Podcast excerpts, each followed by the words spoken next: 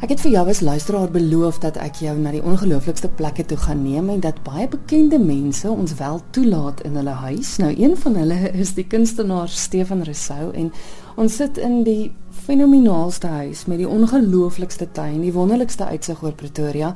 Stefan, verskriklik baie dankie dat ek en die luisteraars by jou mag kuier. Christel, baie dankie dat jy vandag hier is. Dit is vir my 'n wonderlike voorreg om jy om die huis met en my tuin met julle te deel. Ja, want jy skilder nie net nie, maar jy maak tuin ook. Ek moet vir jou sê dis een van my grootste liefde is tuin maak. Ek dink ek sê altyd ek verf minder as wat ek veronderstel is om te doen omdat my tuin soveel van my tyd steel. maar van daar ook die feit dat jy baie deur die natuur geïnspireer word want as mens na jou werk kyk, blomme, water, Dit is heeltemal reg, weet jy? My hele lewe lank ek ek ek kom eintlik maar van Namibië af en ek bedoel ek kom in die suide van Namibië wat 'n verskriklike droë wêreld is. So enige iets wat groen is en wat wil lewe, wil ek graag aan die lewe hou. En ek het 'n ongelooflike liefde vir water. Water en en plante is letterlik my lewe. Mhm. Kom ons begin gou by jou daar in Namibië. Dis waar jy groot geword het. Ek het gelees dat jy het van kleins af besef dat al wat jy wil doen is net om in te kleer. Ja nee, dit kyk, dit is nou so toe ek nou um, ek dink ek was seker 2 of 3 jaar oud wat my ma vir my inkleerboek gegee het. En dit was die ongelooflikste ding wat met in my hele lewe kon gebeur het. Ek het daai inkleerboek binne in 'n dag ingekleer.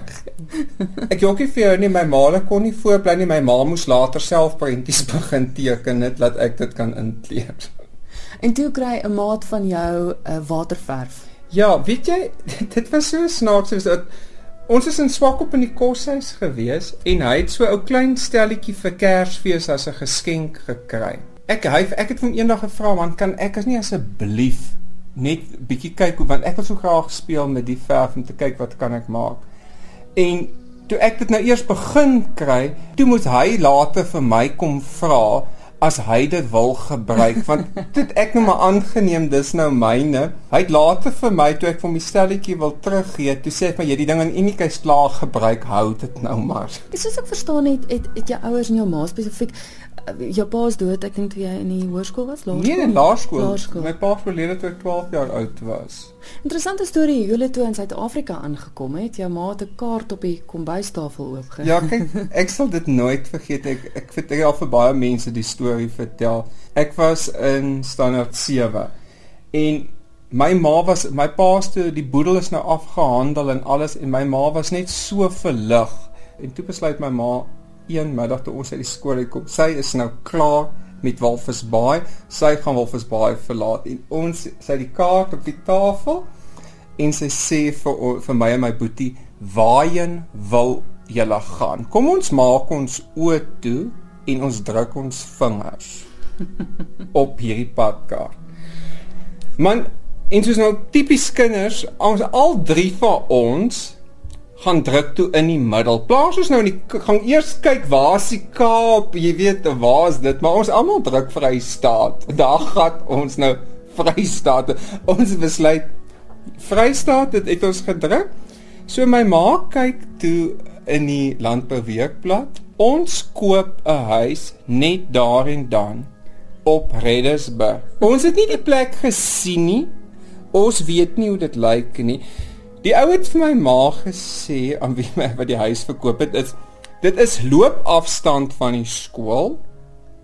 Daar is um, skool, uh, daar is klere winkels en sulke goed op die dorp en ons is 'n uur se ry van Bloemfontein af.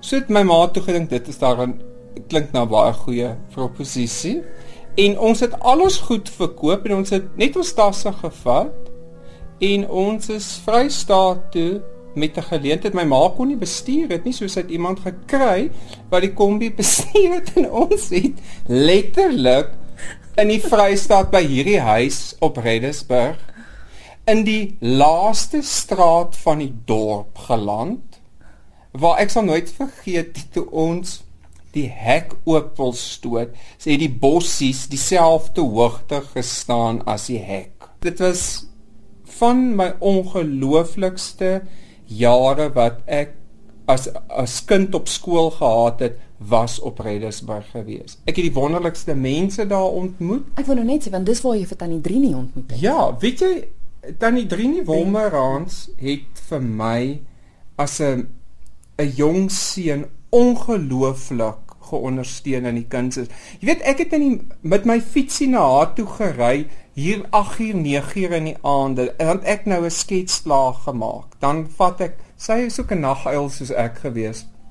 Dan is sy net te dankbaar as daar iemand aan die deur klop en dan maak sy vir my koffie en dan hemel sy nou daai sketse van my op. Kyk, dan is ek so gemotiveer. Môre eerste ding as 'n klas oopgaan is ek daar en dan gee sy vir my 'n tekenblok en sy gee vir my verf. En haar pa het my eerste skilderye. Se het, het haar pa nog vir my al my borde voorberei Dit was 'n wonderlike storie ook wat gebeur het is dat sy het 'n matriek vir my ehm um, gesê ek moet 'n uitstalling by die skool hou. En sy het al daai skilderye wat ek gemaak het op haar onkoste geraam ook. En toe hulle nie verkoop nie, toe koop sy hulle nog ook. Dit is die kunstenaar Stefan Rousseau met wie ek gesels ons kuier hier by hom aan huis. Stefan, as jy vir die luisteraars moet verduidelik hoe jou hoe jou werk lyk, die wat jou nie ken nie, die wat nog nooit van jou werk gesien het nie. Realisme is, is dit is dit die styl? Wie weet jy, dit is realisme, maar daar's altyd 'n storie ook in my werk in. Wat ek basies probeer is is ek hou daarvan om die om die natuur te vat en letterlik vir jou so 'n stukkie wat ek gesien het wat my ongelooflik geïnspireer het om vir jou dit te wys. So ek kan byvoorbeeld vir ure sit en na water kyk mm. en dan sal ek met my kamera vat en fotos neem want ek werk hoofsaaklik maar van my fotos af wat ek neem. En partykeer sal ek goed bietjie manipuleer die oomblik as ek 'n vorm en goed binne in die water insien, dan dit vertel letterlik vir my waarheen moet dit gaan. Ek kan jou byvoorbeeld in in my boek wys foto's wat ons gevat het van die water tema. Ek het toe ek na die water kyk, toe sien ek Madalie sketel binne in die water in. En toe werk ek op die tema net verder uit. En toe laat dit my byvoorbeeld dink aan die storie wat met Lord of the Rings gebeur het van hierdie ou wat deurgeloop het en deur die rivier geloop het en hierdie mense wat onder die water gelê het. Ek het regtig net wat ek in die water gesien het uitgebring dat dit net 'n bietjie meer realisties was. En dit is die wonderlike ding van water. As jy na water kyk, vertel dit 'n storie. Hmm. Want dit is byvoorbeeld soos die een werk wat hier in jou huis hang ook waar jy 'n gesig sien, maar dan ook ook 'n figuur. So so dis eintlik 'n werk wat afhangend van waar jy sit ook afhangend van hoe ver jy van die werk af staan, hy verander eintlik gedurig.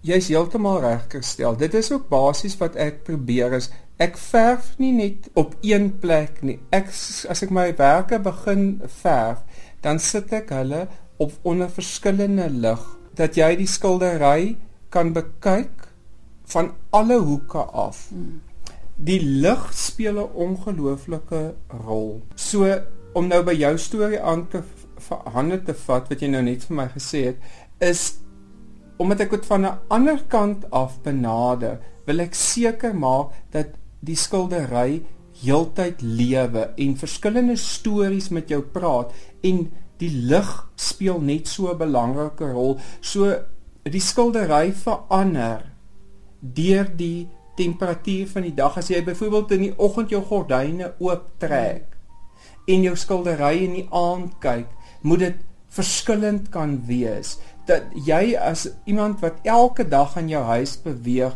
die heeltyd voel maar weet jy hierdie skildery lyk vandag vir my anders as wat hy gister gelyk het. Mm, mm. Maar dan het jy ook jou superrealistiese werke, die die blomme.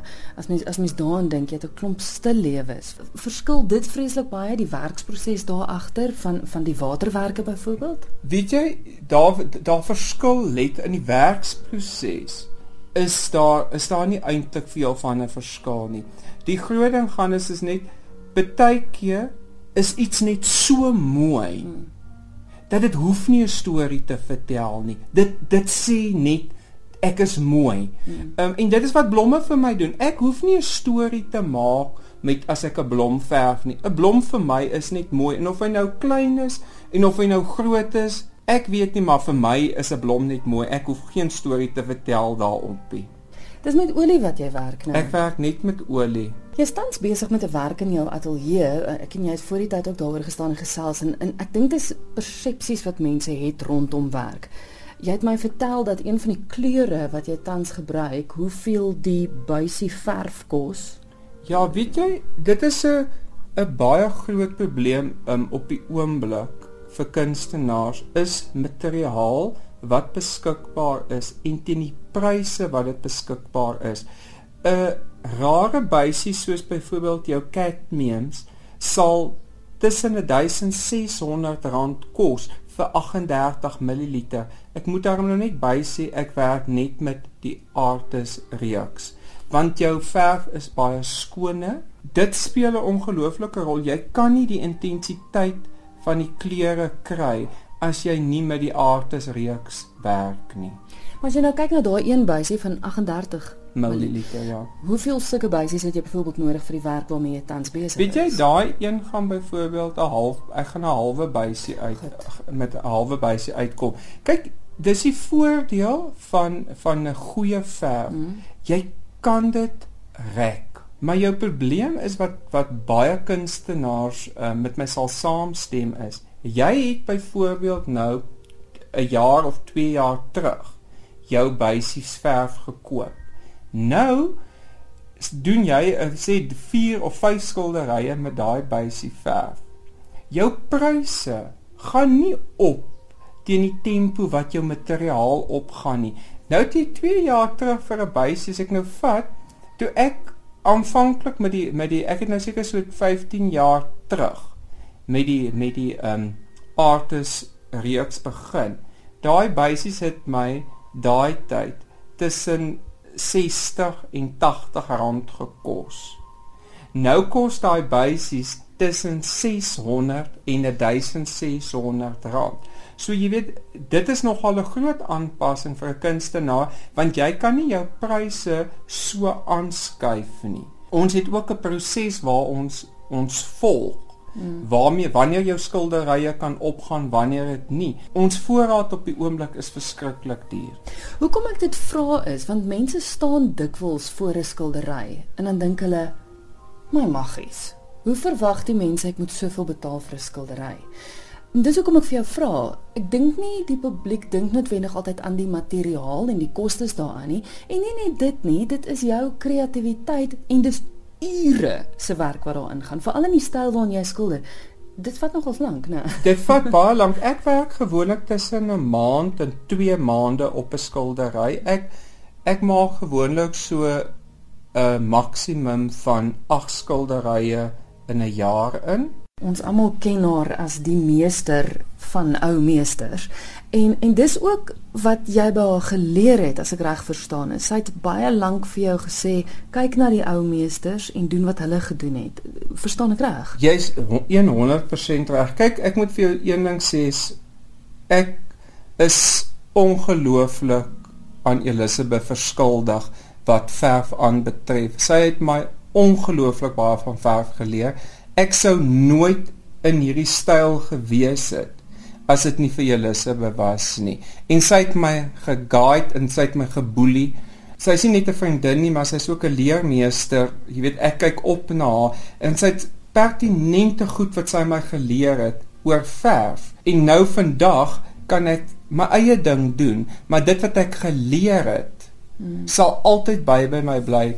En ek gee self klas en ek sê vir die mense as jy wil leer, regtig bestudeer ou meesters doen soveel as wat jy kan boots ou meesters na.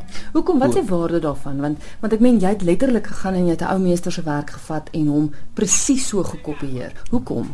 Weet jy, dis die groot gedeelte wat mense nie altyd lekker verstaan nie is jy is nie besig om 'n prentjie te kopie nie. Okay. Almal wat daar buitekant is, sal vir jou sê, "Ouma, dis net 'n prentjie. Jy is besig om verf te leer." Goed. En jy kan spesifiek sien hoe het hulle wel 'n mens probeer verstaan hoe het hulle verf gebruik en gemanipuleer. So as jy 'n goeie foto van 'n ou meester het, kan jy die kleure bepaal. As jy van fotos afwerk, dan sien 'n mens eintlik eers wat het jy geleer omdat jy ou meesters nageboots het. Want met ink is dit heeltemal anderste. Jy kan nie ink lees soos wat jy verf lees nie. So die ou meesters het het basies dan 'n vertaling gedoen in verf in en sy studente leer dan die vertaling van verf. As ek 'n foto vat en ek werk van 'n foto af, dan vertaal ek die kleur wat ek sien oor in verf in. En dis waar die groot verskil kom. Nou die mense nog nie geleer om verf of verf te kan of 'n foto te kan vat en om dit in verf te kan vertaal nie. En dan druk hulle 'n klomp wit by en dan as jy jou weer kom kry, sit jy met 'n dowwe prent. So dit is dit is 'n ding wat 'n mens moet leer en dis iets wat met tyd kom om respek te toon teenoor iemand wat weet hoe om homself in verf te kan uitdruk. Want as jy vat 'n ou meester het byvoorbeeld gedigte gevat en dit die die woorde gevat en dan hulle storie vertel met verf. Nou ek voel net ons sit op 'n punt waar ek wil ook graag 'n storie vertel in verf want dis my taal om te praat is met verf.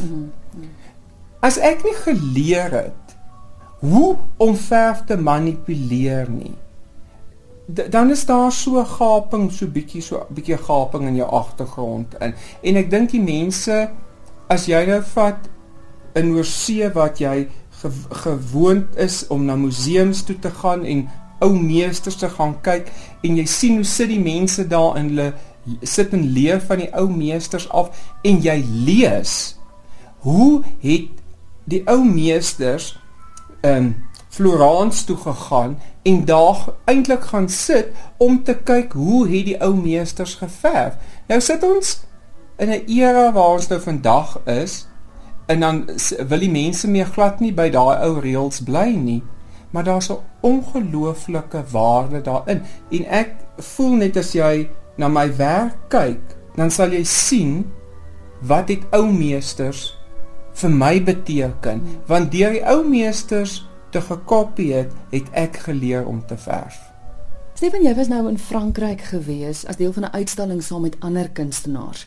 Vertel my gou van die uitstalling. Waar waar was dit? Weet jy, Kristel, dit was 'n projek wat omtrent 2 jaar gevat het voor dit ver, verwenslik het. Ek was ehm um, bevoorreg om saam met ses ander kunstenaars van Frankryk by die Negresio Hotel uit te stal. Dit is 'n jaarlikse instelling wat hulle aan Franse kunstenaars gee vir ehm um, basies om hulle werke bloot te stel en ek was bevoorreg dat ek kon deel wees en ek behoort nou aan die Franse assosiasie. Ag ons het 'n maand uitstalling daar. Al was ek nou net 2 weke daar gewees, ek was basies vir die opening daar hmm. gewees. Is dit ongelooflik hoe die Franse my op hulle hande gedra het en hoe hulle my een van hulle gemaak het. Dit was net ek daar's nie woorde om dit te beskryf vir jou nie. Ek kan nie vir jou vertel die die ruimte waarin ons uitgestal het was ongelooflik mooi. Stefan, ek kan absoluut verstaan waarom jou werk gekies is. Ek sit met 'n katalogus hier voor my waar die ander ses kunstenaars se werke ook in is. En ek sê dit nie net omdat ek gaaf wil wees nie, maar jou werk is regtig op 'n standaard van sy eie. Pieter, ek kan vir jou een ding sê. En ek kan net sê vir jou dank. Ek is dankbaar wat ek by die ou meesters geleer het. Want ek sê vir my studente gereeld, almal is jy as jy op 'n sekere vlak kom, is jy tegnies kan jy tegnies baie goed dra. Dan raak dit baie selektief. Wat jy kies om jou te verteenwoordig.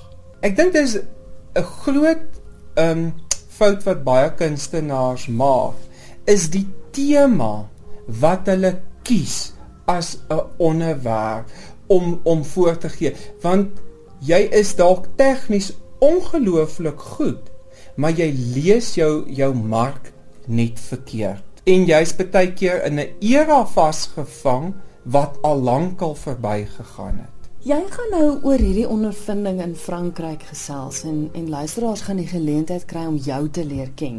Dis die Pretoria Kunskamer wat wat 'n kunstenaarsdag aanbied en dit gaan nou op die 29ste Oktober wees. Ja, weet jy, ek moet net een ding sê dat die kuns um, Alet Wessel se kunskamer, um, ek het so 'n jaar terug het my paai my en Alet se paai gekruis en Ek moet vir jou een ding sê, hulle doen ongelooflike moeite met die kunstenaars.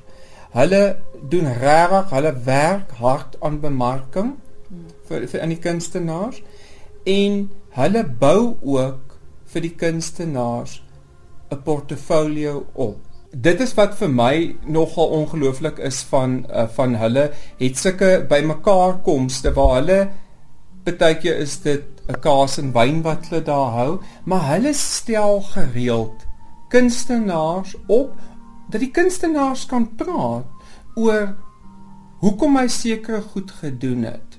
En jy weet jy's jy's jy word dis dis baie intimiderend eintlik vir 'n kunstenaar om daar te staan en jy's al die mense om jou. Partykeer is jy besig om te verf.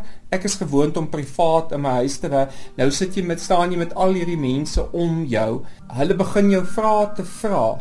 Maar so ontwikkel jy ook. Jy begin agterkom wat waarvan hou mense?